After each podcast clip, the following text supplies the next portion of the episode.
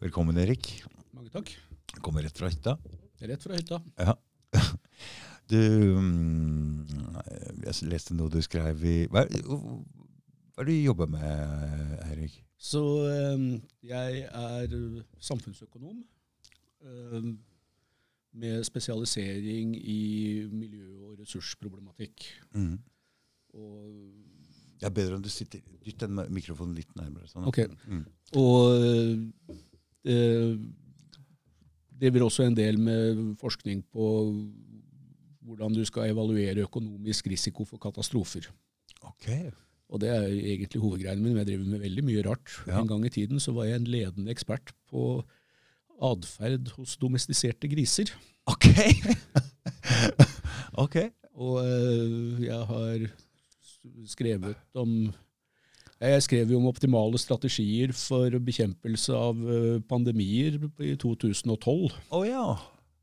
Så eh, jo, det er en Men av du, de nå er det jo litt sånn i mitt miljø, det er litt sånn katastrofetenkning og prepping og Ja, vi har jo hatt to Så har vi jo hatt en pandemi eh, her. Det har vi hatt. Som noen kaller bare for en pandemi, men jeg vet ikke helt. Eh, hvordan den pandemien dukka opp, det aner jeg altså Du leser ting, men du, du vet Ja, jo ikke ja. hva du skal stole på. Men uh, uh, vi fikk den nå. Ja. Og uh, jeg må jo si at jeg syns det Norge gjorde, var veldig fornuftig, okay. egentlig. Mm. Å stenge ned og, og sørge for at Altså, den viktigste grunnen til å stenge ned, egentlig den eneste grunnen til å stenge ned, var for å forhindre at helsevesenet brøt sammen. Ja. Mhm. Og for Altså, det var stort sett eldre folk som døde. Og det var, mange var veldig øh, klare på at ja, da var det ikke så farlig hvis de var gamle nok. Og folk sa det. og sånn Økonomisk sett så kan du tenke at ja, da man driver med avveininger og sånt noe. Mm. Men det som var, for meg var helt utenkelig, var at gamle folk skulle ligge i et, eh, på sykehus eller hjemme med et helsevesen som hadde brutt sammen, og daua aleine uten at det var noen som passa på dem. Det hadde rett og slett bare vært helt uakseptabelt for meg. Så jeg syns de gjorde en veldig god jobb. Jeg. Ok, ja, men det, der er vi i hvert fall helt uenige, så For dette helsevesenet brøt jo aldeles ikke altså, de, de hadde bygd ned helsevesenet lang tid i forveien, og denne det ble jo aldri noe pandemi ut av dette. Så å drive og låse ned folk og lokke inn folk eh, sånn som det der, det var eh, Og jeg skjønner at Norge hadde det mildere enn andre land, men jeg syns jo ja. I mange andre altså, At de hadde bygd ned helsevesenet, eh, det er jeg helt enig med deg. Mm. Og Det tåler jo ingenting. Nei, og, og det, er, det er en annen debatt igjen. Ja. Men gitt at vi hadde det helsevesenet vi hadde, så kan jeg ikke se at de hadde noe særlig valg. Og vi så åssen det gikk i Nord-Italia før, de, eh, Mm. Ja, det- før det kom hit, hvor ting ramla totalt fra hverandre, mer eller mindre. Og det anser jeg som helt moralsk uakseptabelt å ha eh, kanskje titusenvis av mennesker som dør alene og redde i en seng uten å ha kontroll på kroppsfunksjoner og uten at noen passer på dem. Men hvor ble det av den pandemien? For det døde jo ikke flere folk i 2020 enn det det gjorde i 2016. Altså det, da døde det jo 1600 mennesker her. Så, eh, ja, men, tingen med pan denne pandemien er at uh, fordi mange hadde vært syke, mm. og fordi at mange hadde fått vaksiner, så eh, var det resistens i Åh! Jeg tror ikke vi skal gå noe lenger inn på denne diskusjonen. Denne vaksinen virka ikke i det hele tatt. Det var ikke noe resistens. eh, Den, den hindra ikke smitte. Den hindra ikke sykdom. Den hindra ingenting. Det er eh, så La oss bare hoppe over pandemien. Men det er eh, litt interessant at du har forska på, på det der. I 2012 da var vel andre kriterier for Det var ikke noe nedstenging og sånn da? eller var det... Nei, altså I 2012 så gjorde jeg dette bare forskning på altså Jeg hadde en anelse om at epidemier var noe som Kunne. kunne bli en greie, og det var Mm. tilløp til uh, alvorlige epidemier. Uh, fugleinfluensa og Svine. svineinfluensa Mm, og, mm, og, og ting som man ga helse, verdens helsetjenester panikk Mm. den gangen. Og jeg tenkte at dette kunne kanskje være noe. Så, dessuten så var det sånn forskningsmessig, fagmessig, så var det en veldig interessant problemstilling å jobbe med. Mm, mm, mm. Så ja. Det var, og så kom 2017, og så satt jeg der, og så tenkte jeg ja, nå, nå må vi se hva vi gjør. Ja. Og jeg syns de gjorde det riktig. Eh, Ja. Det er én ting med Hva føre var. Nei, det er ikke Ja, men det er én ting med, med dynamikken i sånne epidemier. Mm. Uh, som du gjerne beskriver ved hjelp av matematiske ligninger som utvikler seg over tid. Mm.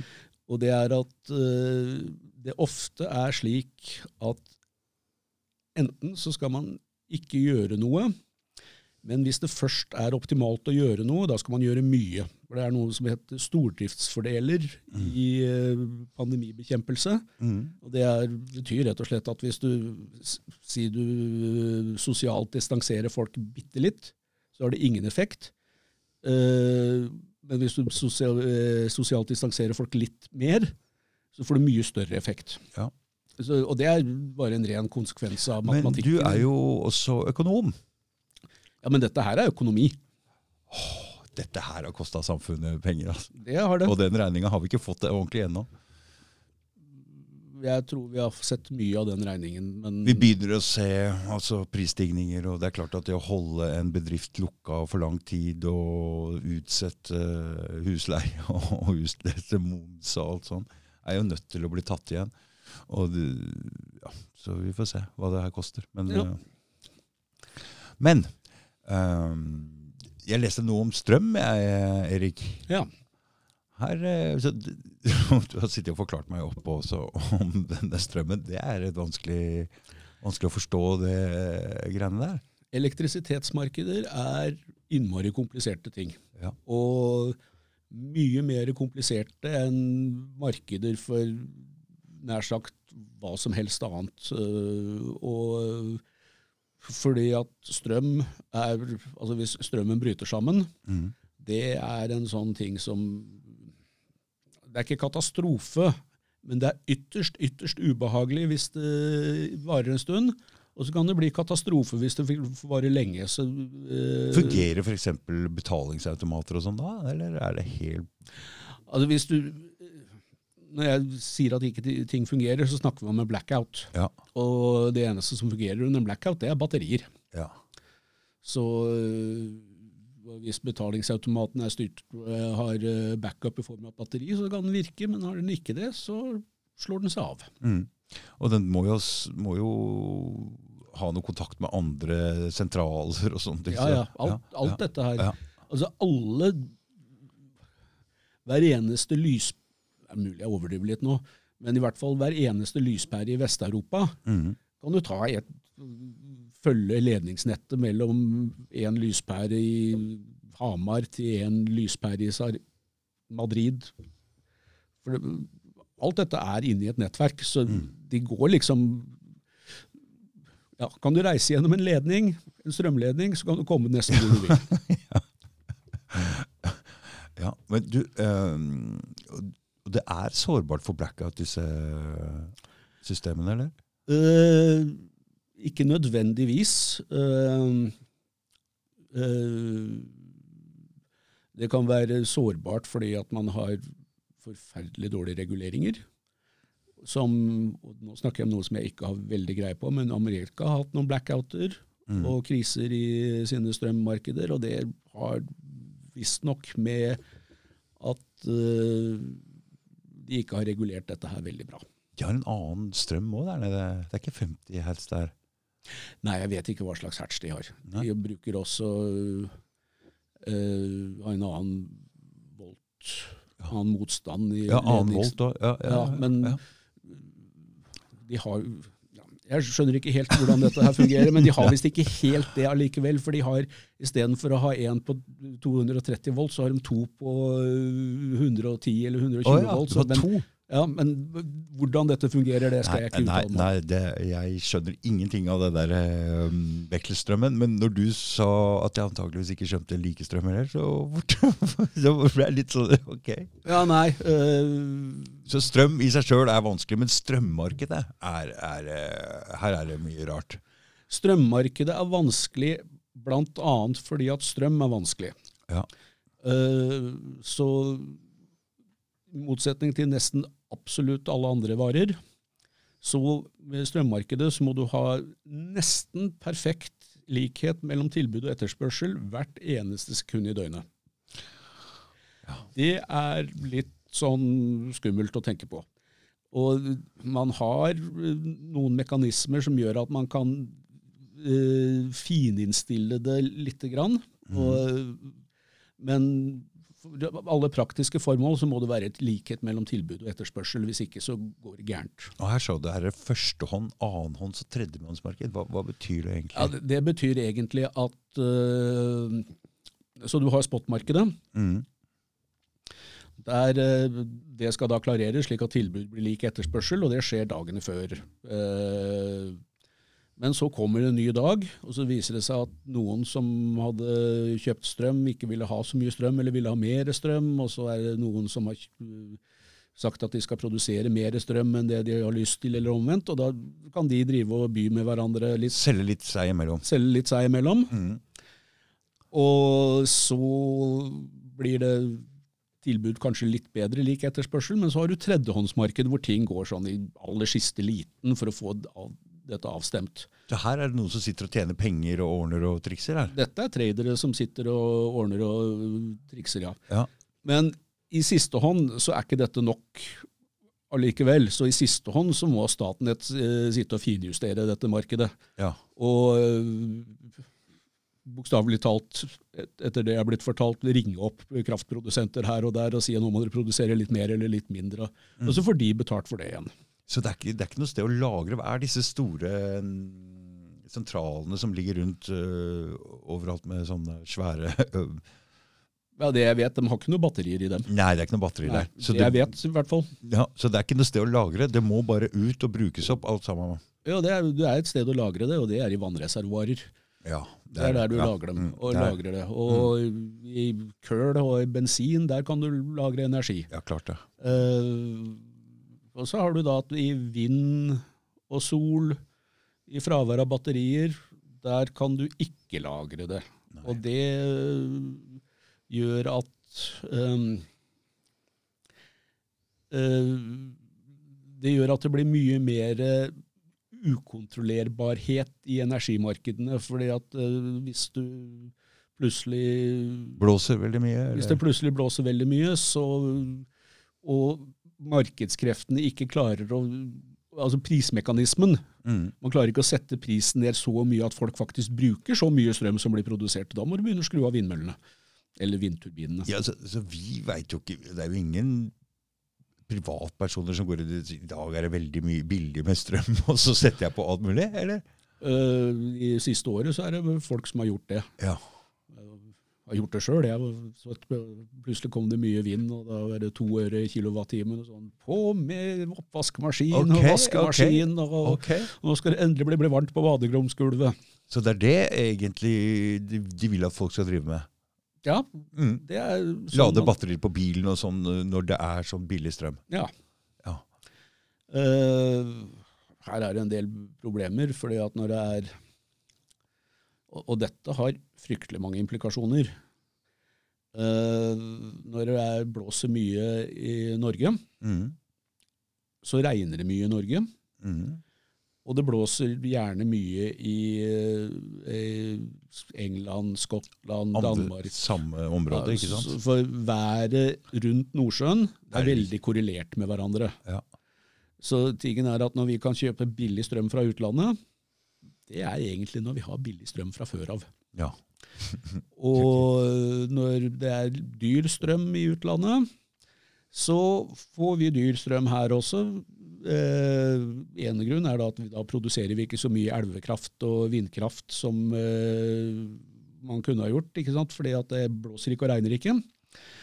Eh, men så lønner det seg da å sende strømmen eh, sørover. Mm. Um, hva er flaskehalser? En flaskehals er når øh, du har en kabel, Mm. Øh, Den er ikke tjukk nok. den er ikke tjukk nok. Det er helt riktig. Så du får ikke sendt så mye strøm som det du har lyst til. Nei. Og når, Da blir det prisforskjell på de Ja, to stedene.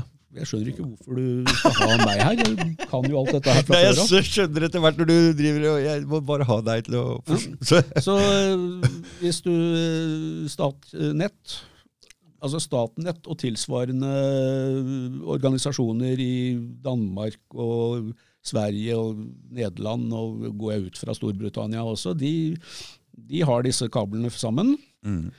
Og når de eh, Når de eh, sier prisen er på to, kilowatt, 2 kroner kilowattimen i Sør-Norge, og så er den på 1 kron kilowattime i Danmark, Ja. og så sender man og det skjer når man sender så mye strøm som man bare kan fra Norge til Danmark, Mm. så tar da Statnett og den danske tilsvarende organisasjonen og de kjøper strøm i Norge. Eh, nå snudde jeg på det. Hvis det er én krone i Norge Ja, én Ja. krone i Norge og to kroner i Danmark. Ja, Eh, ja. Så kjøper eh, Statnett og danskene dette da for én krone i Norge, og så selger de det for to kroner i Danmark. Mm. Og den merinntekten som man får da, det kalles flaskehalsinntekter. Mm. Den går til norske staten. Nei, det gjør den ikke. Nei. Eh, halvparten går da til den danske organisasjonen. Eh, ja, okay. Ja, og det er Ja. Flaskehalsinntektene deles. Deles, ja. Mm. Ja, og Det er uavhengig av hvilken vei eh, eksporten, krafteksporten går. Ja. Så Den deles mellom nordmenn og da i dette tilfellet danskene. Mm. Og så eh, sitter Statnett med en masse penger, og så skal de bruke disse til noe. Og de kan bruke litt av det til å redusere eh, nettleie. Og så er det egentlig meningen at resten skal brukes til å bygge nye kabler. Riktig. Mm, For, og, altså, det er ikke helt meningsløst i en sånn samfunnsøkonomisk sammenheng, for når det er mye øh, øh, flaskehalsinntekter, Ja. når det er mye flaskehalsinntekter, så sier det noe om at øh, her er det faktisk behov for en kabel til. Det er klart. Mm. Så, øh, øh, så øh, det er ikke helt uten mål og mening. Men vi har nå i hvert fall, Norge har da forpliktet seg eh, gjennom EUs tredje energimarkedspakke til at disse flaskehalsinntektene mellom nasjoner de skal brukes til å Utjevne trykk eller øke kapasiteten, Ja. eh, slik at flaskehalsene blir borte. Mm. Og da flaskehalsinntektene.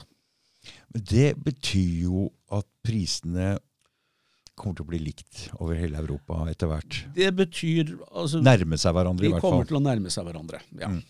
Og det som er eh, interessant i denne sammenhengen, er at vi, regjeringen skal nå, ønsker nå å sette i gang et kjempestort prosjekt med å produsere mye mer kraft for å opprettholde kraftoverskuddet. Mm. For å sikre at prisene i Norge er lavere enn de er på kontinentet. Men det i seg selv utløser etterspørsel etter mer kabelforbindelser til utlandet. Ja, det gjør det vel. Mm. Så, ikke sant det, Og om man leser teksten i EUs tredje energimarkedspakke, så ser det for meg ut, og for Statnett ser det også ut som, for de har skrevet uh, akkurat det samme, at da vil dette utløse nye kabelforbindelser mellom Norge og andre land. Så meninga er at det skal, skal være like priser til slutt i, i Tilnærmet like priser. Dette er jo, liksom- altså Hele EU er jo bygd opp på ideen om fri flyt av varer og tjenester og Ja, arbeidskraft ja, ja, og kapital. Så å tro at, tro at uh, I det hele tatt å prøve å si at EU skulle ha, gjøre et slags unntak for kraftmarkedet i uh, Skandinavia, det virker bare helt fjernt på meg. Mm. Og så blir det kabler mellom Danmark og Tyskland, og da skal det være likt. Og så, så det blir hele Europa som skal få lik pris omtrent. da. Tilnærmet like priser. Ja, Det er målet. Det er målet. Det betyr for Og, norske og, og igjen, sånn i samfunnsøkonomisk sammenheng, er ikke det nødvendigvis et dumt mål. Nei, men for Norge og nordmenn så blir det dyrere. For norske bedrifter som driver med energiintensiv virksomhet, så betyr det at det er ikke så veldig mye stor grunn til at de skal fortsette å ligge i Norge. Nei. Og så er det også at fordi at vi har at andelen ikke-regulerbar strøm er på vei oppover i hele Europa, Og med ikke-regulerbar betyr det vind og sol, ikke sant? eh, ja, stort sett vind og sol, Ja. eh, så så utsetter vi oss for risiko for sånne blackouts som jeg snakket om tidligere. Hvorfor? Ehm,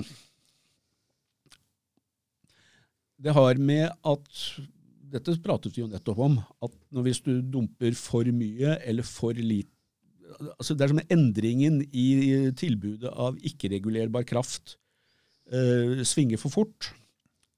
Så, eh, og jeg må understreke at her er jeg litt på tynn is, for jeg er økonom og ikke elektroingeniør. Eh, så eh, eh, bryter rett og slett systemet sammen. Altså, du får en blackout. Du må, man må rett og slett Hvis svingningene i, eh, kabel, i, i eh, strømnettet blir enten for høye eller for lave, Mm.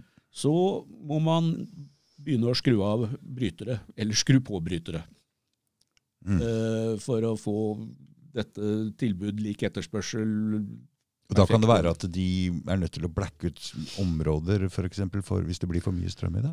blacke ut områder. Du kan også og Dette er jeg ikke helt sikker på hva mener, men det er også noe som heter brownout, som er Uh, Halvveis, ja. ja, sånn halvveis blackouting, men jeg er ikke helt sikker på hva de mener når de Gatelysa. Sikkert. Det er i hvert fall noe de kontrollerer sjøl. Ja. Eh, Bitcoin-fabrikker kunne man jo håpe. Det suger litt energi. Hæ? Det suger litt energi, og det er egentlig en veldig god kandidat til noe du kan skru av strømmen på hvis det skulle gå gærent. Ja, For det her er det blitt satt opp noen svære bitcoin eh, eller sånne i Norge. Fordi de har regna med billig strøm. ikke sant? Ja, det er jo en av de tingene som er litt sånn håpløs i denne sammenhengen her. Så vi samfunnsøkonomer vi har jo ideer om at folk gjør rasjonelle beslutninger og ser framover og, og videre. Og at eh, Ja. det, det er Ser litt lengre fram enn bare to år. Ja, Mm. altså samfunnsøkonomisk teori er egentlig eh, litt middelmådig intelligente mennesker som meg, som lager teorier om superintelligente genier. Okay. Som ikke finnes. Okay. Og, og det er i noen sammenhenger helt greit. Eh, fordi at det kan hende at uh, helt vanlige folk eh, er smarte nok til å Altså hvis problemene ikke er veldig kompliserte, så gjør smarte folk Smarte, vanlige folk gjør akkurat det samme som superintelligente genier. Mm. Og da er, virker samfunnsøkonomisk teori ganske bra. Mm. Men hvis du har problemstillinger som virkelig krever superintelligente genier for å gjøre det som er optimalt for dem, Mm. og vanlige folk ikke klarer det, da bryter samfunnsøkonomisk teori sammen. Mm. Og, og i Ja, men det går vel an å forenkle og forklare for folk, da. Ja, men tingen er at nå i den virkelige verden, så kraftmarkedene i framtiden Mm. Det virker på meg som om de er så kompliserte at folk ikke engang forsøker å se framover. Mm. Eh, jeg hadde jo ikke starta en bitcoin-fabrikk i Norge om vi hadde fått betalt for det, fordi at jeg vet at dette her kommer til å Strømmen kommer til å gå. Ja. Øh, bli dyrere. Mm. Og jeg vet ikke om de folka som lager bitcoin-fabrikker øh, altså Sitter du i Peking og tenker å lage en fabrikk, øh, bitcoin-fabrikk, så ja, der har prisene vært lave lenge. Det er sikkert et fint sted å legge en Der er det mye naturressurser, og der er det billigere. Ja, så gjør de det. Ja. Og det er jo en andre ting. Altså de, Vet ikke om du husker det var noe som het North Connect, som gudskjelov ikke ble bygget. Nei. Eh, Det var, skulle være kabel nummer to til Storbritannia. Okay. Dette var det noen eh, elektrisitets- eller kraftprodusenter på Sørlandet og en i Sverige, Vattenfall, som tenkte at ja, nei, her er eh, prisene i Norge de er lave, og i Storbritannia er de høye, så her kan vi ta og smekke opp en, en kabel Mm. og tjene penger på det. Og det hadde de jo, de hadde jo tjent penger som gress på det de siste par åra. Så, så Det hadde betalt seg. det hadde betalt seg. Mm. Men eh, jeg leste NVEs rapport om eh, samfunnsøkonomiske lønnsomheten i dette her. Og der sto det jo ikke et pip om elektrifisering av oljeplattformene. Nei. Så, så analysen av samfunnsøkonomisk overskudd ved en sånn kabel, den var basert på at etterspørselen i, var basert Altså Man hadde ikke tatt inn over seg at uh, norske oljeplattformer skulle plutselig ha 10-20 terawattimer i året eh, fra Norge. Så de bruker litt strøm, de plattformene, eller? Og de bruker mye strøm. Til hva? Altså de bruker ikke mye de, Opprinnelig så brukte de ikke mye strøm Nei, eh, nei, men hvis fordi, fordi at de hadde egne gassturbiner, så de lagde sin egen strøm. Ja. Og de tok gassen som de eh, pumpa fra Nordsjøen. Mhm. Og den gangen var gass veldig billig. Så eh, de I hvert fall der ute bør det være. ja, det var der ute, og de slapp å transportere den noe sted. Og Ja. ingen hadde tenkt på CO2 ennå, eller noe sånt. Nå, så det virka fornuftig. Nå vi, må vi ta inn over oss at uh, brenning av metan og andre naturgasser det fører til CO2-utslipp. Og så har jo gassprisen blitt så veldig mye høyere. Ja. Så øh, hvis man da klarer å overbevise norske myndigheter om at kanskje vi skal legge noen kabler ut i Nordsjøen, så kan man ta og selge gassen øh, istedenfor. Så vi, vi selger ikke noe av den gassen der ute? Jo, vi gjør det nå. Ja. Altså, Vi har alltid solgt gass, ja.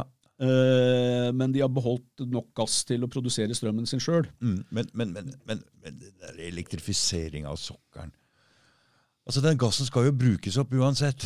Uh, og når du tar den opp, så altså, Hvis de virkelig mener at det her med CO2 og alt det her, så slutt å ta opp olje og gass, da. Enten det, eller så snakker ikke gjøre begge deler. Jeg er, øh, er av dem som mener at klimaproblemet kommer av at vi tar olje og gass opp av bakken, og køl selvfølgelig, og så brenner vi det, og så blir det mer CO2 i atmosfæren.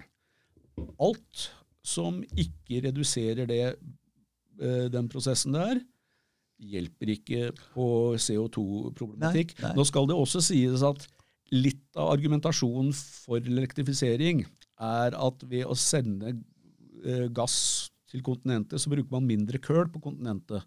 Og du får mer energi per enhet utsluppet CO2 ved gass. Så de mener de sparer litt der. De mener de sparer litt der. Ja. Og det kan faktisk være en del. Ja, også. men nå tar vi jo tilbake strøm, da, som kanskje kunne vært sendt ned til kontinentet og ikke blir brukt for Så jeg, jeg ser ikke helt. Nei, jeg ser, virkelig ikke logikken i det. Hvis du ser hele bildet, så blir det ikke brukt opp noe mindre CO2. Eller ja, blir ikke brent noe mer. Ikke sant? Ideelt så kan man tenke seg at det er noe mer køl som blir liggende igjen i bakken fordi at Norge sender eh, gass til, eh, til eh, kontinentet. Ja. Så, så det kan hjelpe ja, men så kommer den biten at vi tar jo strøm som vi kunne sendt ned til kontinentet. Ja, det gjør vi. Ja, men da er det ikke noe forskjell, da. Uh, jo, altså forskjellen er at det er litt, muligens litt mindre køl som blir uh, brent i dag. For du mener gass og køl er litt annerledes enn strøm? Nei, det jeg mener er at ålreit, hvis du har ja, Nå regnes jo dette gjerne i forskjellige enheter, men hvis du har øh, øh, 100 terawattimer strømproduksjon Mm. og 100 terawattimer øh, Med gass? med gass, Mm. og så har du 100 terawattimer med køl, Mm. så kan du Ja, køl bruker mer CO2, det, det forstår Ja. jeg. så, Men om vi mm, sender ned strøm eller gass eller, altså Det er jo, er jo det samme markedet. Det er for så vidt uh, Ikke sant? Det var det jeg tenkte. det, er, det er for så vidt riktig. Så da ser jeg ikke Men det er egentlig bare for å pynte på Norges utslippstall, det her. ikke sant? Jeg tror mange er enig med deg i det. Og jeg er vel egentlig enig med deg, for jeg mistenker jo at det kølet som man ikke brenner opp i Tyskland Kom litt nærmere igjen, Erik. Det kølet man ikke brenner opp i Tyskland uh, pga. gasseksport fra Norge, det blir brent et annet sted, mm. antageligvis Kina. Så, ja. så jeg, jeg, tror ikke dette er noe sånn spesielt bra for uh, klimaet. Og veldig mange økonomer som meg, som driver med natur og ressurser, er, mener at dette her er egentlig ganske meningsløst. Mm. Og det koster litt penger òg? Og det koster forferdelig mye penger. Ja. Og ja. Penger til noen ting, virker det som. Vi har mye penger. Ja, nei Jeg vet ikke hva som foregår i eh, maktens korridorer, men eh, jeg så så sent som i dag, at, tror jeg det var, at eh, eh man skal garantere priser for havvindprodusenter, slik at de garantert får 1 kilowatt, nesten én krone kilowattimen. Og det er jo Norske staten? Norske staten. Og, sånn at folk skal og, investere og satse med ja, havvind? På havvind. Mm. Så, og det er en måte, for å si det sånn, sosialisere usikkerheten her. At uh, norske stat tar risikoen. Mm. Og uh, havvindprodusenter tar uh, gevinsten hvis den dukker opp. Ja. Så ja. Det er ikke helt sånn som jeg lærte på skolen om hvordan en kapitalistisk økonomi skulle fungere. Men, Nei, men det virker som om når det gjelder CO2 og klima og sånne spørsmål der, så har de ubegrensa ressurser. Det er også, altså. også norsk industri. Eh, for Arbeiderpartiet tror jeg at tanken på at det er under Arbeiderpartiet at man slår spikeren i kista på norsk kraftkrevende industri. Den, mm. Det er nok noe de vil unngå for enhver pris. Ja, det skjønner jeg. Ja. de skal jo holde med arbeiderne. Ja, mm. og mm. Har vi mye kraftkrevende industri i Norge? Å ja, vi har massevis. Ok. Altså, Tradisjonelt så er jo det Det har vært vår Det har vært vår greie, liksom. Altså, ja. Vi har aluminiumsproduksjon, vi har kunstgjødselproduksjon, og det tror jeg vil være de to store. Mm. Det er sikkert noe mer også. Mm. Uh, som begge deler er veldig energiintensive uh, industrielle prosesser. Kan nesten bare si ha det til deg etter hvert her nå. Med norske lønninger og sånn oppå det hele, så blir det jo vanskelig å Jeg tror det, ja. Mm. Uh, men igjen, det er ikke sikkert at det er en dårlig ting. Uh, som økonom så ser jeg liksom at ting blir produsert der hvor de kan produseres mest effektivt. Okay. Og hvis kabler gjør at man kan produsere f.eks. aluminium mer effektivt i eh, Europa uten uh, de miljøproblemene, at de miljøproblemene for eksempel, som denne produksjonen medfører, at den oppstår i Norge, så det, det kan være en god ting. Mm. Men uh, det, for meg som driver med katastrofeøkonomi, hadde jeg nær sagt, så eh, det som virkelig bekymrer meg i denne sammenhengen, her, er da også at vi risikerer at vi får et mye dårligere strømnett. Og det er da bl.a. blackouts og sånn som jeg snakka om. Vi får et dårlig strømnett, ja. ja altså at du, at du fordi vi vil snakke om at Med høyere andel av regulerbar, ikke-regulerbar strøm, mm. så gjør vi strømnettet mer ustabilt. Og det er bekymringsfullt. Katastrofe... Hva er det du driver og hva er det for noe? Katastrofeøkonomi? Nei, hva, hva, hva? Ja, det er uh, hvordan skal du forholde deg til Hvordan skal du optimalt forholde deg til risiko for alvorlige katastrofer? Mm. Uh, så uh, jeg kan fortelle en liten gladhistorie um, om ja. Eh, katastrofeøkonomi. Ja. Uh, så en del av ja, Så hvis du har en katastrofe som du ikke kan påvirke risikoen for altså, Du kan ikke påvirke risikoen, men du kan uh, få, uh, påvirke utfallet av katastrofen. Mm. Ikke sant? Eh, det eksempelet jeg skal komme med nå, det er snakk om eh, korn og eh, Terje Vigen, hadde jeg nær sagt. Og for Norge i 1809 så hadde vi da en katastrofe. Det var eh, noe som slo inn over oss, at engelskmennene hadde en blokade av eh, norskekysten, så vi fikk ikke importert korn. Og det førte til sult.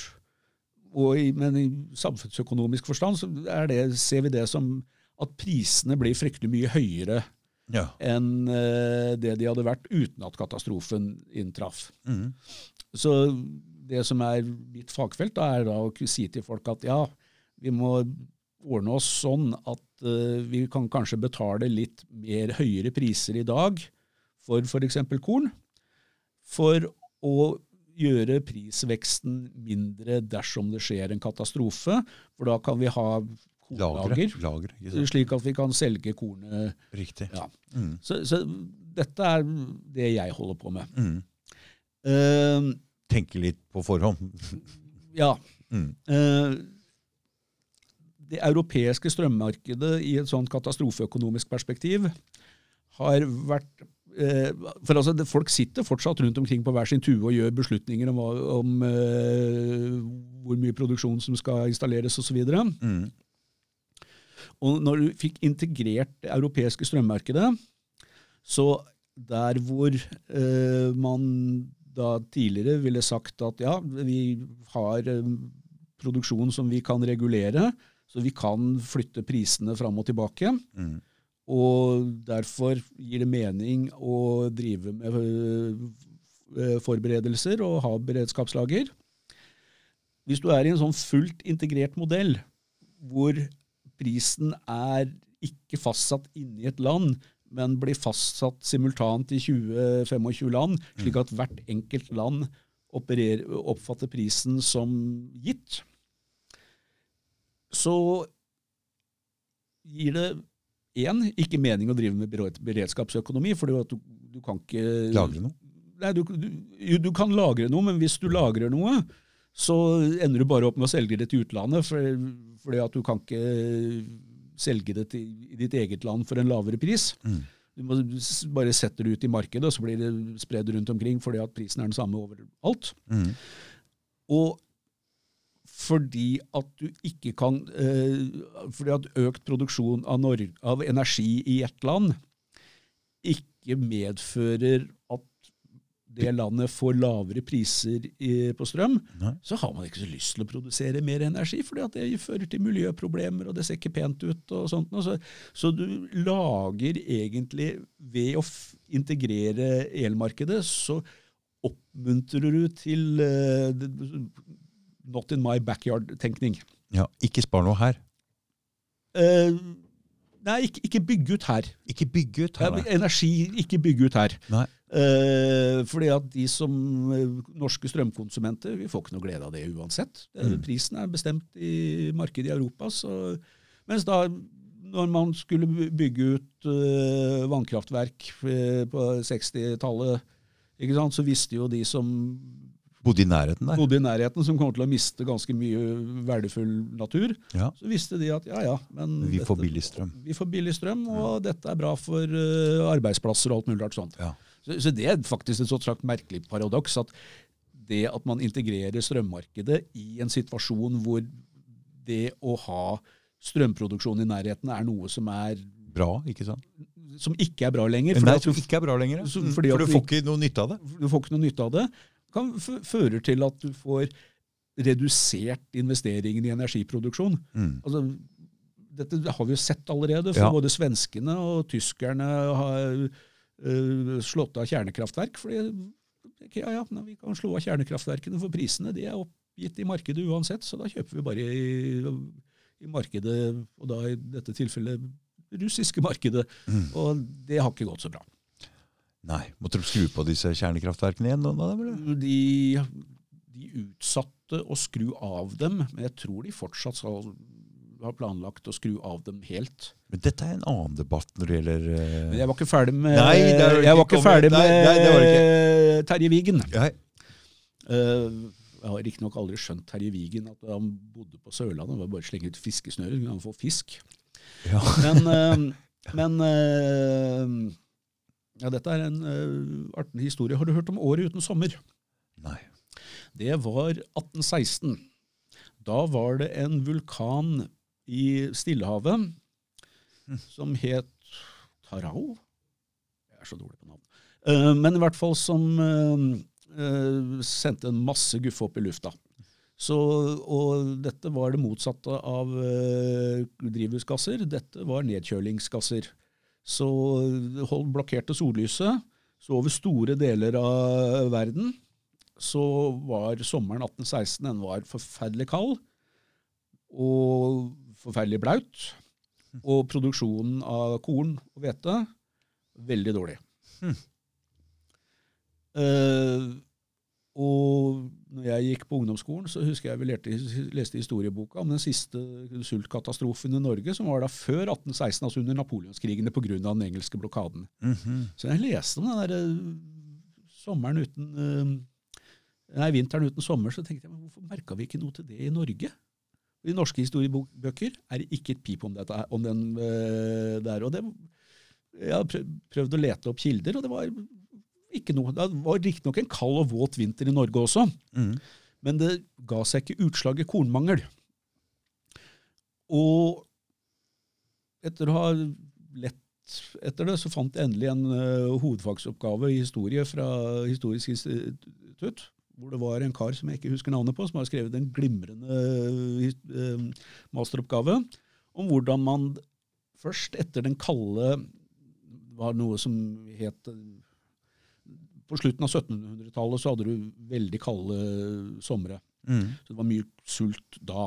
Da også. Mm. Og, og så var det da under napoleonskrigen, Blokaden. blokaden, så fra slutten av 1700-tallet og virkelig etter napoleonskrigen, så bygde man opp eh, Kornlagre. kornlagre Mm. for å ha i beredskap. Mhm. Og det virker som om det faktisk virket. Og, så det er ikke noe rapportering om sult i Norge da i 1816. Mens i, eh, lenger sør på Europa, og også i deler av Nord-Amerika, sult, sosiale problemer og eh, Ja, det var en virkelig forferdelig situasjon. Men du, ja, ja, bare fortell. ferdig. Siste kommentaren her er jo at det er godt at de ikke hadde noen samfunnsøkonomer i Norge i 1816 som ville sagt at ja, vi kan selge dette kornet for eh, høyere priser i Europa. Men de, vi beholdt Unnskyld, tydeligvis sjøl. Mm. Og um, disse kornlagrene hadde vi Altså, du ser disse bygningene fremdeles rundt omkring i Norge. Mm. Men de ble, når det hadde gått 30-40 år uten noe eh, nye vulkanvintre, så begynte man å tenke at nei, dette her var jo dyrt med å ha korlagre, så da gjorde man Gradvis bygd ned dette her nå. Nei, det ble ikke gradvis bygd ned. Man gjorde noe som var genialt. Norske sparebanker. Altså, I gamle dager så hadde enhver uh, fjellknatt eh, sin egen sparebank omtrent. Vi hadde mange av dem. mm. I hvert fall i hver kommune. Mhm. Og mange av disse sparebankene, som da var ideelle selskaper, de var ikke for å tjene penger. De var for å uh, styrke det lokale næringslivet og for å skaffe kapital til, lokalt. Mm.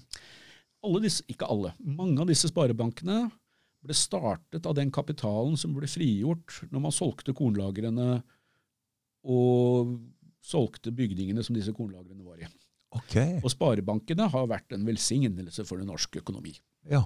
Så det ble brukt til noe bra, egentlig? Det ble brukt noe, til noe bra, men selvfølgelig når krigen, første verdenskrig kom, mm. så var Norge et mye rikere land enn det vi er nå. og Vi hadde ikke en blokade, vi kunne fortsatt seile fram og tilbake. Men det, hadde nok, på det. Der. ja, men det hadde nok vært fint for det norske samfunnet om vi hadde hatt noen kornlagre når første verdenskrig begynte. Mm. Du, jeg bare sånn, eh, Når du sier 1816, så har jeg lest et sted at norske, Norge nesten gikk konkurs i 1817. At vi hadde så mye gjeld eh, til Danmark. eh, Så Det kan godt hende. Så det kom inn to Det er litt morsomt, for det, vi hadde jo jødeparagrafen i 1814. Det kom inn to rike jødiske bankfamilier og tilbød seg å slette gjelda. Det er det eneste jeg har lest. Jeg veit ikke så mye om det. Dette har jeg aldri hørt om før. Nei, Altså, jeg sett et sånt avisutklipp, skjønner du. Så jeg Eh, tenkte, Det var ja. veldig spesielt. Skyldte danskekongen så mye, så svenskekongen eh, skulle komme og true med å ta noen jødiske familier skulle komme og betale gjelda som ikke hadde lov å komme inn i landet her. Jeg bare, jeg har mellomfag i økonomisk historie. ja, Med en smule arrogans vil jeg si at hadde dette vært riktig du, Det står i et avisutklipp som jeg har lest. Ja, men jeg tror jeg hadde hørt om det. Okay. Uh, men jeg, jeg skal ta oss og sjekke det opp. Ja, gjør det. Jeg skal Altså, prøve å vise deg det Den norske økonomien rett etter uh, etter 1814. et- 1814, den Ja. sleit. Og, Ja. og uh, det å opprette et eget pengevesen Mm. var en kjempejobb. Mm. Og man hadde sølvskatten, som rett og slett hadde som formål å få inn edle metaller, så man kunne bygge opp en valuta som faktisk var verdt noe. Mm. Rike jødiske bankierer har fått skylda for veldig mye rart av eh, folk som eh, Nei, jeg har ikke eh, Jeg skal vise deg det avisutklippet Ja. hvis jeg finner det. Hvilken avis er det? Nei, det er jo et gammelt avisklipp. da. Men hvis du googler det på nettet, så finner du det. Ja, ok, jeg skal ta en Mm. kjekk. Så jeg, jeg tenkte, for jeg, jeg, sånn, jeg syns det er interessant det der med at uh, den danske adelsfamilien fikk lov å beholde all jorda her, selv om vi var 100 år etter eh, 100 år i svensk eh, under svensk eh, allianse. Hvilken dansk adelsfamilie? Oi, oi, Løvenskiold og alle disse danske ja, adelsfamiliene. Han var jo den danske stattholderen, og så tapte jo Danmark hos til Napoleon. Ja, Og så fikk han jo lov å beholde den jobben, så da tenker jeg men altså, det? Løvenskiold eide ting i kraft av Ikke i kraft av Altså, han første Løvenskjolden Ja, men han fikk jo dette av danskekongen. Nei. Eh, han fikk adelstittelen av danskekongen fordi at han ga penger til, adels, til, til danskekongen, ikke fordi Ok. eh, Han var en sånn stattholder her. ja. Nå, Jeg kan bare si det jeg er helt sikker på. Ja. Uh, Løvenskiold, han som fikk en adelstittel, Mm. han hadde ved å være en smarting, Mm. men også ved å gifte seg smart, Mm. så hadde han blitt en uh, meget rik mann med store landeiendommer. Mm. Og så uh, betalte han penger inn i den danske kongens uh, kasse for penger som han kunne bruke på seg selv, Okay. og da fikk han en adelstittel. Oh, ja. Mm. Så, sånn var den historien. Mm. Så at, han, at Løvenskiold beholdt landområdene, det var ikke rart, for han eide dem jo fra før av. Han hadde kjøpt dem? Ja, eller Uh, Fått dem av danskekongen? Nei. Han hadde ikke fått dem av danskekongen, han hadde dem før han fikk adelstittelen. Ja. Og blant annet fordi at han gifta seg da med en arving uh, til store landområder. Ok. Mm. Så, eh, så dette eide han fra før av. Så det er ingen grunn til at noen skulle ta det fra han uh, når Norge ble frigjort. Ikke frigjort, for det er ikke en riktig men Når unionen mellom Norge og Danmark ble oppløst, Ja. så kunne ikke danskekongen ta Eller vi, vi kunne ikke ta ting fra folk som de hadde eid før, selv om de hadde vært eh, adlet av danskekongen. Nei, svenskene kunne ikke. Svenskene kunne ikke, altså Man hadde jo respekt for privat eiendomsrett den gangen. Ok. Mm. Jeg var bare sånn, eh, Vi har eh, hytte i Skien, og der har jo han et svært slott. Så da jeg kom til um, opp i marka her og hørte at Løvenskiold eide all skauen her også, så tenkte jeg i all verden han, Han eier mye. Oh my god. Ja. Så han har jo en egen kjede med byggvarer. Ja, ja, ja. ja, ja, ja, Ja, nei, Ja, det meier litt. Ja. Nei, Nå hoppa vi litt av sporet her. Ja, vi av sporet. Ja. Du, den, for den artikkelen du skrev, eh, der fikk du litt kjeft. Uh, jeg har skrevet mange artikler, men jeg går ut fra at du mener den om uh, hvor jeg sier at ja, men hvis vi produserer mer strøm i Norge, så ja, ja. øker flaskehalsinntektene, så da må vi bare bygge flere kabler. Ja. Jeg fikk litt kjeft for det. Eh, men det lever jeg egentlig bra med. ja, det er Hver gang man stikker nesa ut og sier et eller annet, så blir det sånn. Ja, ja ikke det er ingen som har sagt noe stygt når jeg har stakk nesa ut og sagt noe om hvordan man skal regulere domestiserte griser. Det har gått uh, verden hus forbi. Men, uh, men dette var Det blei litt uh, oppstuss om det fordi ja, Fordi det er en oppheta debatt om vindkraft og det greiene der? ikke sant? Ja, det, altså, for regjeringen Ja. uh, Jeg debatterte jo dette her med Aasland på Debatten. Ja. Og for regjeringen, som har gått ut og sagt at nå skal vi øke det norske kraftoverskuddet for å sikre lave priser til industrien, så sier jeg forteller jeg, ja, men det er jo nærmest fri fantasi. For det, det er ikke sånn kraftmarkedet fungerer. Hvem er det er sånn? Hvem er Aasland? Hvem er Aasland? Som du prater om. Olje- og energiministeren. Så de veit ikke om Jo, jeg, altså Statnett vet dette, for dette var første gangen jeg så dette. Så Mm. leste jeg tilfeldigvis en, eh, en rapport fra Statnett hvor Ja. det sto at uh, tredje, under tredje energimarkedspakke så skal flaskehalsinntekter mellom land først og fremst nyttes til å bygge nye uh, kabler mellom land. mm. Og, og teksten der er, og Statnett skriver også at dette er eh, nå en del av norsk lovgivning og tatt inn i norsk regelverk. Mm. Så Statnett vet det. Mm. Men det kan jo hende at Olje- og energidepartementet ikke har fått det med seg. Det, Det, er, det går ikke, vel? Hæ? Jeg vet ikke. Jeg vet ikke hva som foregår inne i, i politikken. Jeg er økonom. og Det, det høres rart ut at ikke olje- og energiminister ikke veit om det. Ja, nei, altså For han mente nei. ja, Han mente nei, at eh, Norge hadde full kontroll over hva vi skulle bygge av utenlandskabler. Mm. Og det, I en viss forstand så er det sant. Vi, EU kommer ikke og forteller oss at vi skal bygge én spesifikk kabel mellom punkt A og punkt B. Nei. Men de har sagt at det vesentligste av pengene som vi tjener på øh, handel med strøm med, med utlandet, det skal brukes til å bygge mer kabler. Og det er helt i tråd med alt annet EU driver med. Mm. Så, okay, så for å holde norske forbrukere Det som er med Norge, er at det er jo veldig dyrt å bo og dyrt å ha bil. og Mye av det vi betaler, går ut i skatter og avgifter og sånn, så lønningsnivået er jo høyt her, men det er veldig dyrt å bo her samtidig. Ja, men Vi har det bedre her i landet enn de har i de fleste andre steder, så øh, vi skal ikke klage for mye. Nei, men uh, denne strømstøtten uh, Alle har det jo ikke så bra. Uh, Alle har det ikke så bra. og hvis vi kniper litt over hele fjøla, så blir det jo de svakeste som blir ramma her. Uh, det er det også. Mm. Uh, så jeg har jo Og med denne tanken da, om EU, så skal jo alt jevnes ut. Og det betyr jo at uh, levestandarden i Norge skal ned. Hva tenker du? Det tenker jeg om, men det er ikke noe jeg vil si noe om, for jeg har ikke kompetansen til å uttale om det. For det, altså, du har For en del yrkesgrupper i Norge Mm. så er det helt utvilsomt at konkurranse med arbeidere fra først og fremst Øst-Europa Det vet jo jeg. har ført mm. til lavere lønner. Det er helt utvilsomt. Ja, det er ikke tvil om. Eh, på den andre siden så eh, er også tanken at gjennom å bygge ned barrierer for handel og bygge ned barrierer for investeringer og arbeidskraft og sånt noe, så skal det få økonomien til å vokse fortere. Okay. Og jeg vet ikke om det virker. Jeg, jeg vet rett og slett ikke. Nei. Eh, det jeg vet, er at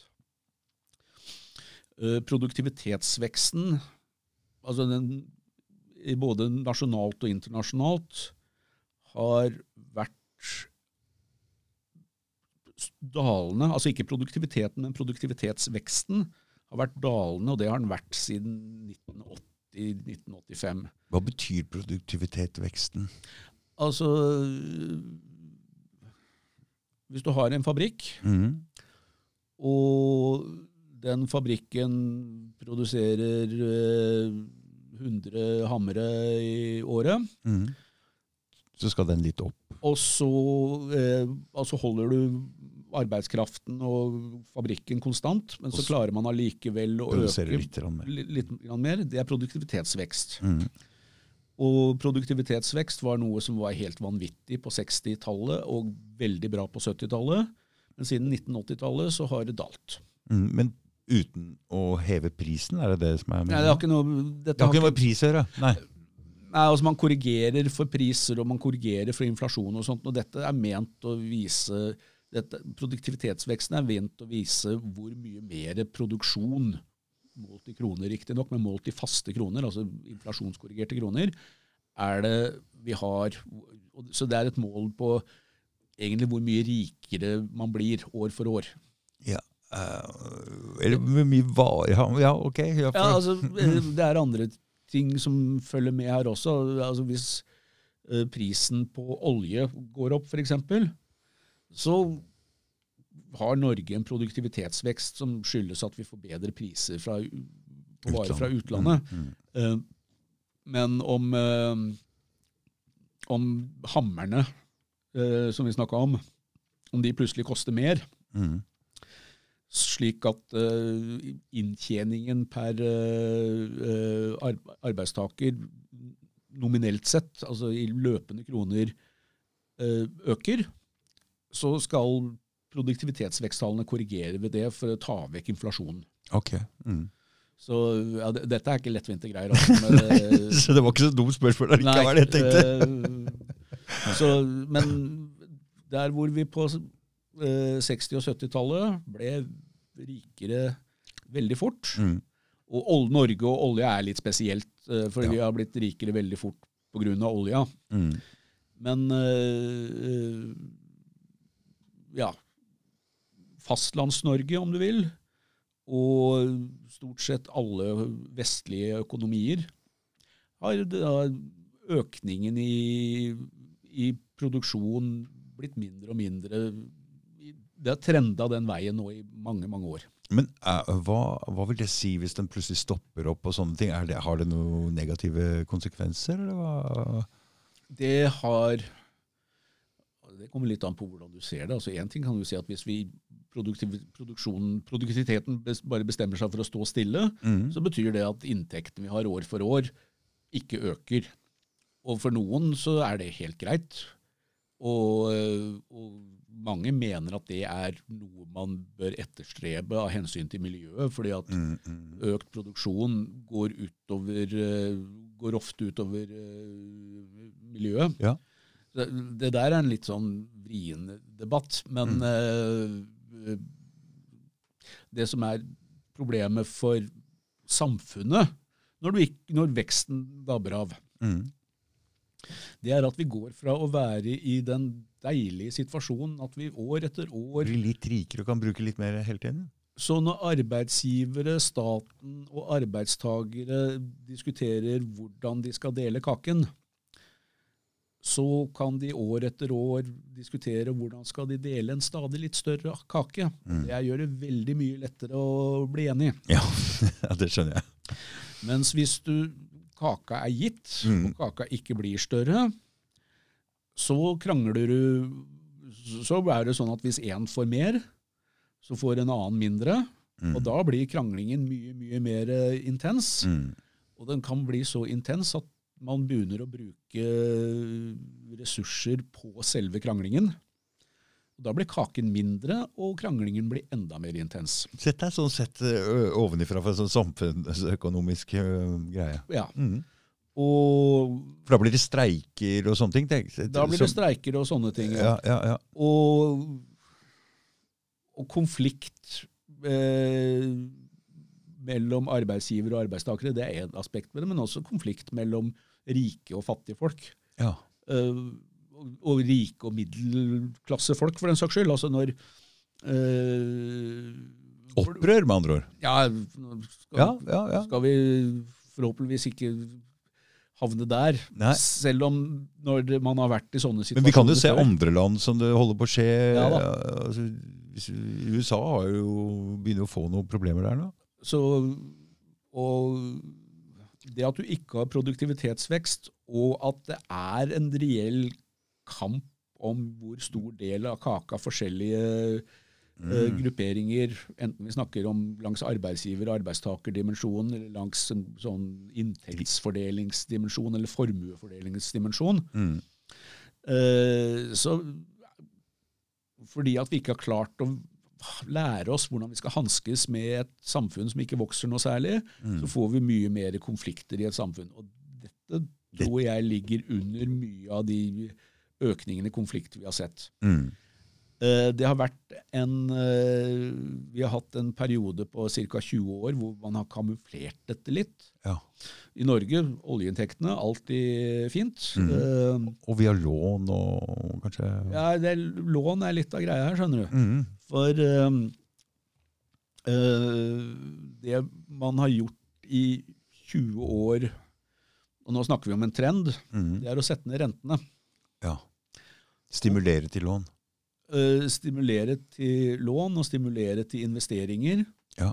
Som da, fordi at produktivitetsveksten ikke har vært spesielt høy, Mm. har ikke vært veldig lure investeringer. Nei. Men, øh, øh, men når, hver gang renta går ned, så det du oppnår da, er å gjøre rike folk rikere. Mm -hmm.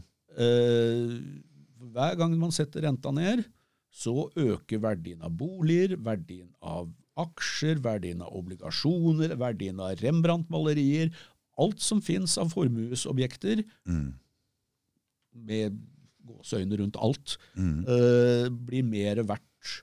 Og den perioden har vi vært inne i nå, en lang periode. Den perioden har vi vært inne i en lang periode hvor det at produktivitetsveksten i Norge har vært egentlig ganske forferdelig de siste 20-25 årene. Og de har prøvd å stimulere til det med å sette ned renta. Så har de stimulert til det med å sette ned renta, men som gjør at alle folk som eier noe, f.eks. hus, Mm. de ser verdiene av det de eier, Mm. gå oppover og oppover. Mm. Og det er en, i stor grad en direkte følge av rentenedsettelser. Mm. Så eh, Men, men det, siden folk får større og større formue pga. disse rentenedsettelsene, så er liksom grunnlaget for å begynne å bli sur har ikke vært der. Nei. Men nå skal rentene oppover, og vi har fortsatt ikke noe produktivitetsvekst i dette landet å snakke om. Mm. Uh, Så, nå det- kom, det jeg så nå kommer det noe Så jeg tror at konfliktnivået i norsk politikk i årene framover kommer til å bli mye, mye verre.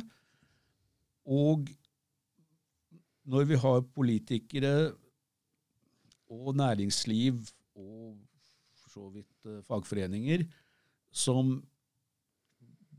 bruker masse ressurser på å få fram en slags vekst som det egentlig ikke er noe potensial for, så ser det stygt ut for det norske samfunnet. Og det, dette bekymrer meg ganske mye. Det er jo Vi er jo en litt spes... I, I Norge så er det mange flere huseiere enn i andre land. Det er mye mer leie. Så jeg var i Aberdeen, jeg tror han sa 30% av boligmassen er kommunalt, og det er mye mer leiekontrakter. Så vi er mye mer sårbare for en eventuell boligkrakk her i Norge.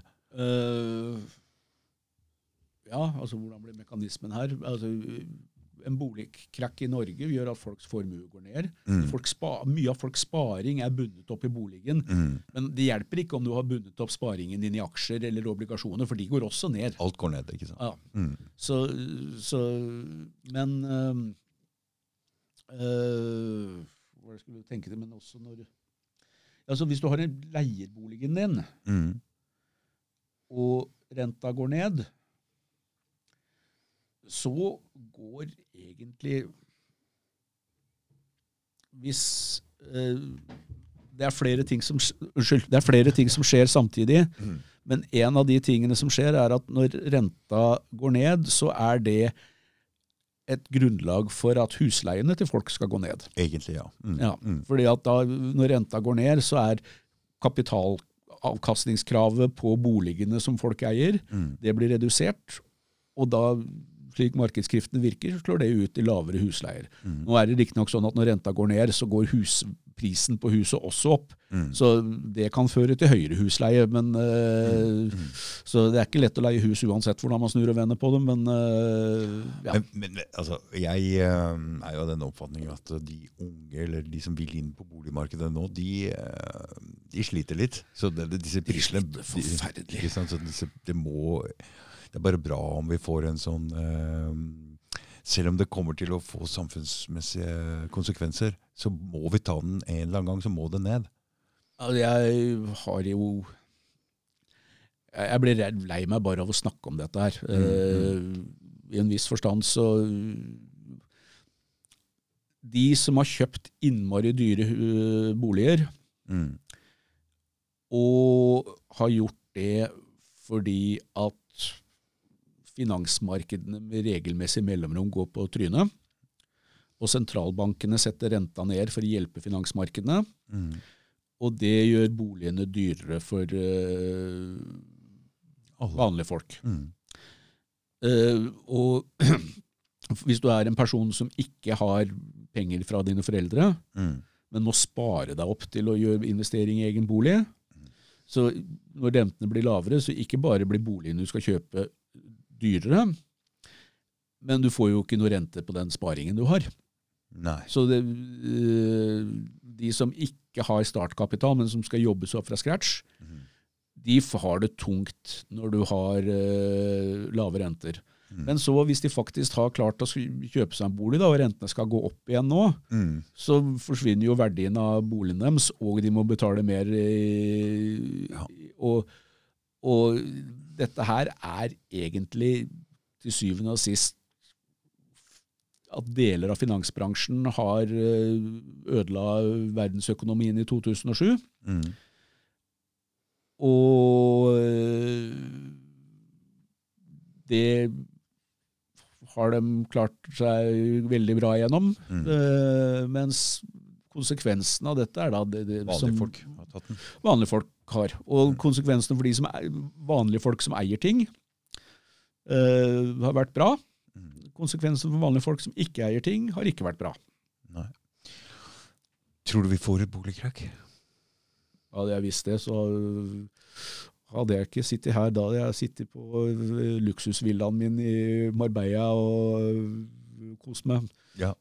For hadde jeg visst at det ble et boligkrakk, så hadde jeg vært steinrik. Ja.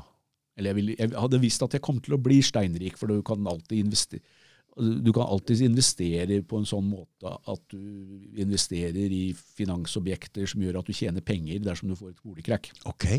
Ja, dette her er helt uh, standard. Jeg trodde ikke det var noe penger. Det, la oss si at det kommer et bolig Altså, Jeg jobba jo i en, um, en bedrift som gjorde tjenester for folk. Vi planerte hager og alt. Det kommer jo fra lån på boligen. Ja. Hvis vi får et sånt uh, boligkrakk, så blir jo de arbeidsplassene borte, som igjen gjør at uh, det blir mye arbeidsledighet, som igjen gjør at uh, ikke folk får betalt disse låna. Og så når det først begynner å rase der, så tenker jeg det raser ganske voldsomt. Ja, og det er vel grunnen til at hver gang finansbransjen gjør et eller annet stupid, Mm. som gjør at de får store problemer og risikerer å gå konkurs, så tar denne verdens sentralbanker og Pøser på med penger. pøser på med penger. Det vil si, det de gjør, er at de kjøper aksjer og obligasjoner øh, i markedene. Og når man kjøper aksjer og obligasjoner, så presser man opp prisen på disse aksjene, og da går renta ned. Ok. Og dette er øh, vanskelig å forklare.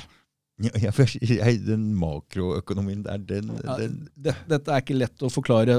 Um, Så si at du har en aksje i en bedrift som eh, tjener ti kroner i året, mm, og så er renta på 10 mm, Så for deg så er det ett fett om du eier den Og så ser vi bort fra usikkerhet og risiko. og alt sånt. Dette, dette er sånn som du vet. Du vet alt som kommer til å skje i framtiden. Og den Mm. aksjen kommer til å gi deg ti kroner i året til uh, basunene, himmelhornene, begynner å gjalle. mm, Og hvis du har 100 kroner i banken, mm. og renta er 10% Samme. samme. Mm. Det betyr at verdien på den aksjen er det samme som verdi på 100 kroner i banken. 100 kroner. Mm. Ja. Mm. Så eh, La oss nå si at renta faller. Eh, så du får bare fem kroner på de 100 kronene i banken. Ut av banken? Ja, de? For da ser du da at ja, men eh, man kan kjøpe aksjer for eh, 100 kroner, og få, som fortsatt gir 10 kroner i året i avkastning. Mm. Og da presses prisen på den aksjen øyeblikkelig opp, Ja. slik at den prisen på aksjen er nå 200 kroner. For nå må du ha 200 kroner i banken for å få eh, Ti kroner. 10 kroner i året. Mm. Så det er kort sagt sammenhengen da, mellom rente og aksjekurser og sånt. Så når staten går inn og eh, sentralbankene går inn og kjøper obligasjoner, så Presses prisene opp. så presses prisene opp, mm. hvilket gjør at den mengden med Penger i banken? pengene i banken man trenger for å få det samme avkastningen som på en aksje, mm. den reduseres. Mm. Det er egentlig mekanikken her. Ja. Ok. Ja, da gikk det mye greiere enn det jeg hadde trodd. Ja, jeg skjønner det, for jeg har alltid slitt med det der eh, store økonomien der. Jeg bare skjønner det at hvis, hvis, hvis det der med leiligheter og alle folk har penga sine det, hvis det ryker, da, da ser det ikke pent ut her. Nei, det ser ikke pent ut. Uh, Er vi inne hvis jeg skulle si et eller annet om sånn hva man burde gjøre, altså hvis man virkelig skal få opp rentene tilbake til det som er historisk vanlig nivå, som er rundt 4-5 Ja. så mener jeg jo at for en gangs skyld så burde man istedenfor å kaste penger på rike folk, så burde man kaste penger på unge mennesker med store gjeldsforpliktelser. Ja. Og rett og slett bare ta over en del av gjelda. For uh, dette er ikke vanlig i uh, Jo, det er, det er ikke vanlig i Norge at uh, norske stat kjøper opp aksjer. Nei. Men den norske stat kjøper opp aksjer gjennom f.eks. Folketrygdfondet og oljefondet? og oljefondet. Ja, oljefondet er stort sett i utlandet. Ja. Så Folketrygdfondet er Det heter vel Folketrygdfondet Innland. Okay. Og det er, det er et norsk fond som har halvparten av øh, sine verdipapirer i norske aksjer og norske obligasjoner. Mm. Og da privat utstedte obligasjoner. Mm. Og så har de noe penger i andre nordiske land også. Ja. Og øh, så når vi nå hadde eh, covid, eksempel, så gikk Folketrygdfondet, eh, avdeling Norge Jeg er ikke helt sikker på hva det heter, men de fikk, ble tilført en masse penger for å være klar til å kjøpe opp norske obligasjoner, altså obligasjoner utstedt av banker og bedrifter og sånt nå, eh, for å holde prisene på de oppe. Mm.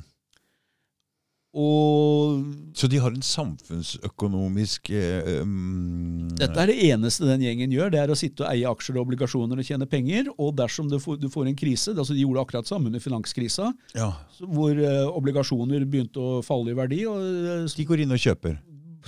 man oppretta noe som het Statens obligasjonsfond. Så de, går og, de behøver ikke nødvendigvis å kjøpe engang. De bare sier at hvis prisene blir lave nok, så kjøper vi. Å ja. Og da har du liksom en garanti. Trygg, trygg greie der. Ja, og Mm, mm.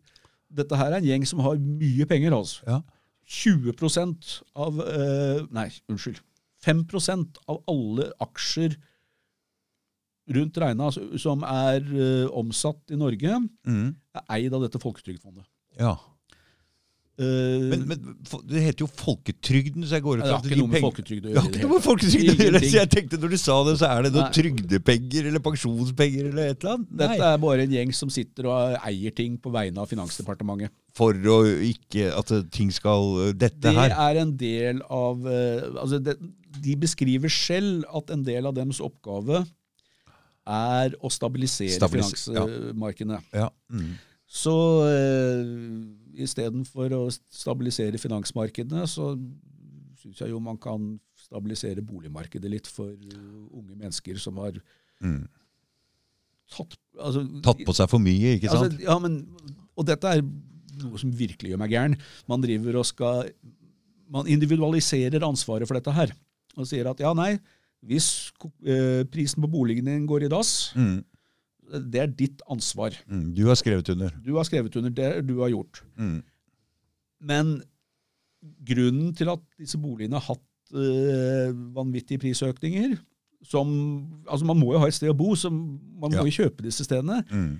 Den ligger da hos de finansinstitusjonene som gikk på trynet. Mm. Og de færreste av dem har vært nødt til å ta noe som helst ansvar i det hele tatt. Mm. Mm. Og det er og Hvis vi driver og sosialiserer risikoen for de som har mye ressurser, mens man eh, privatiserer risikoen for folk som ikke har mye ressurser, altså vanlige arbeidstakere, unge mennesker, folk som blir syke og den slags, Mm. eh, det gjør meg Hva er ordet? Eitrende forbanna. Mm. Eh, Mm. ja. Mm. Jeg har hele tida tenkt eh, Faren min var jo veldig sånn privatiser alt som er. Staten klarer ingenting. Men jeg har jo hele tida tenkt at noe sted må de jo kunne eh, ta litt ansvar. Og akkurat i det boligmarkedet hvor eh, burde de gjøre noe. For jeg husker jo den første uh, på slutten av 80-tallet. ja, jeg òg. Jeg ble slått ut. Det var altså Banken gikk konkurs, og da gikk staten inn og redde alle. Privatfolk satt jo igjen med gjeld og aksjer i bank og så. Det er ingenting. Vanvittige renter. Ja. Så ja, nei, det, den norske stat lærte en del av dette. Så Det håper jeg. For det, det skjedde jo ikke så mye her i 2007-2008. nei, norske finansinstitusjoner er etter det jeg har blitt fortalt, Mm. regulert på hender og føtter. Ja. De eh, har steinharde krav om likviditet og at de skal ha ting på stell. Mm. Eh, Det gjør dem ikke immune mot problemer utenfra. Nei. Men de, disse problemene lages ikke av norske finansinstitusjoner. Nei. Så eh, altså en norsk bank er tvunget til å være bunnsolid. Mm. Hvilket i en viss forstand er en eh, sosialisering av den risikoen som vanligvis, man vanligvis opererer med i finansmarkedet. Mm. Så du tror ikke vi kan få en sånn karamell igjen som vi fikk den gangen? Hvis vi får en sånn karamell igjen, Mm. så har vi enten importert den, Mm. Og hvis vi har importert den, så er det enten fordi at finansmarkedene i utlandet går ad, øh, åt skogen, Mm. og når finansmarkedene et sted begynner å gå åt skogen, så er det, da, der skal også tilbud på være lik etterspørsel hele tiden. Og hvis tilbudet av penger ikke er lik etterspørselen av penger, slik at folk ikke greier å betale avdragene sine og betale kortsiktig gjeld osv., så, videre, så kan hele røkla, gå over, hele røkla gå over ende. Mm. Og da må da norske stat gå inn. Det andre er at hvis vi fortsetter å ha høy inflasjon, og inflasjonen kanskje stiger enda mer, Mm. så kommer sentralbanken til å sette opp renta for å slåss med den. Mm. Og det kan, Lage et problem. det kan lage et problem. Mm. Uh, men uh, jeg tror ikke de kommer til å lage et problem for norske banker, fordi at de er Altså, uh, Norges Bank de er veldig tett på og overvåker sunnhetsnivået i, norske, i den norske finansbransjen. Så Du, jeg har stoler på at de folka vet hva de driver med. husker du for en fem-seks år siden når Kredittilsynet gikk inn og så på den, den uh, kredittkortgjelda til folk? For her er det mange som har også kjøpt seg De har lånt opp på kredittkort og fått eh, innskudd til bolig på den måten. Du ble litt overraska over hvor stor gjeld eh, For den var ganske stor. ja, det det, her hadde de ikke en ordentlig oversikt over før. Nei, men det er jo også hvis du hvis renta er nesten null, Mm. så er det jo gratis av gjeld. Så Ja, ja. hvorfor ikke ha kredittkortgjeld? Igjen, dette er noe jeg har blitt fortalt av folk som jobber sammen med siviløkonomer. Mm. At uh, så, samfunnsøkonomiopplæringen er mye sette tæring etter næring. Og være klar over at du har skranker og grenser for hva du kan gjøre, og det lærer vi veldig mye om. Mm.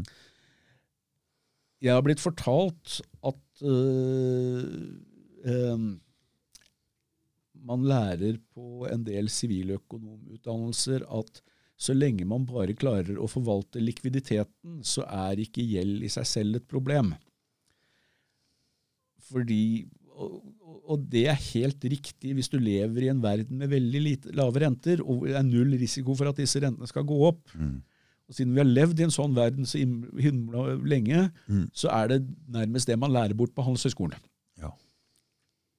Dette er bare annenhåndskunnskap. Vi Jeg har blitt fortalt av andre folk, men, Mm, eh, og jeg mm. håper jo ikke det er riktig. Men uh, det er en Altså, når du har Når penger er nesten gratis å låne, Mm. så er det ikke rart at folk bruker penger til mye rart. Mm. Og i hytt og pine. Mm. Nei, for de Ja. har tatt opp lån på huset sitt og bruker det til alt mulig, for det er billig å låne. ikke sant? Ja, det er det også. Mm. Så vi får se hvordan det her går. Det blir Ja, spennende. det blir spennende. Du, um, bare sånn, du har lyst til å gå, du? Jeg har litt lyst til å gå fordi at jeg skal rekke en butikk som stenger klokka ti. Ok. Hvor bor du? Jeg bor på Grønland. Ja. Mye Med klokka? Eh, fem over ni. Oslo City stenger klokka ti. Oh, ja. Greit. Um, bare sånn kjapt, eh, hva tenker du om dollaren og det Brix-greiene og Swift og, og det her? Har du satt deg noe inn i det? Sånn kjapt. Mhm. Det skal jeg si noe om sånn kjapt. Mhm. Uh, da foretrekker jeg å si nei, dette har jeg ikke satt meg inn i, for det er, eh, det er ikke mulig å snakke om det kjapt. Nei, nei. Nei. Ok, tusen takk for at du kom, Erik. Og takk for at jeg fikk komme. Så får du lykke til videre. Ja, greit. Ha det. Oi.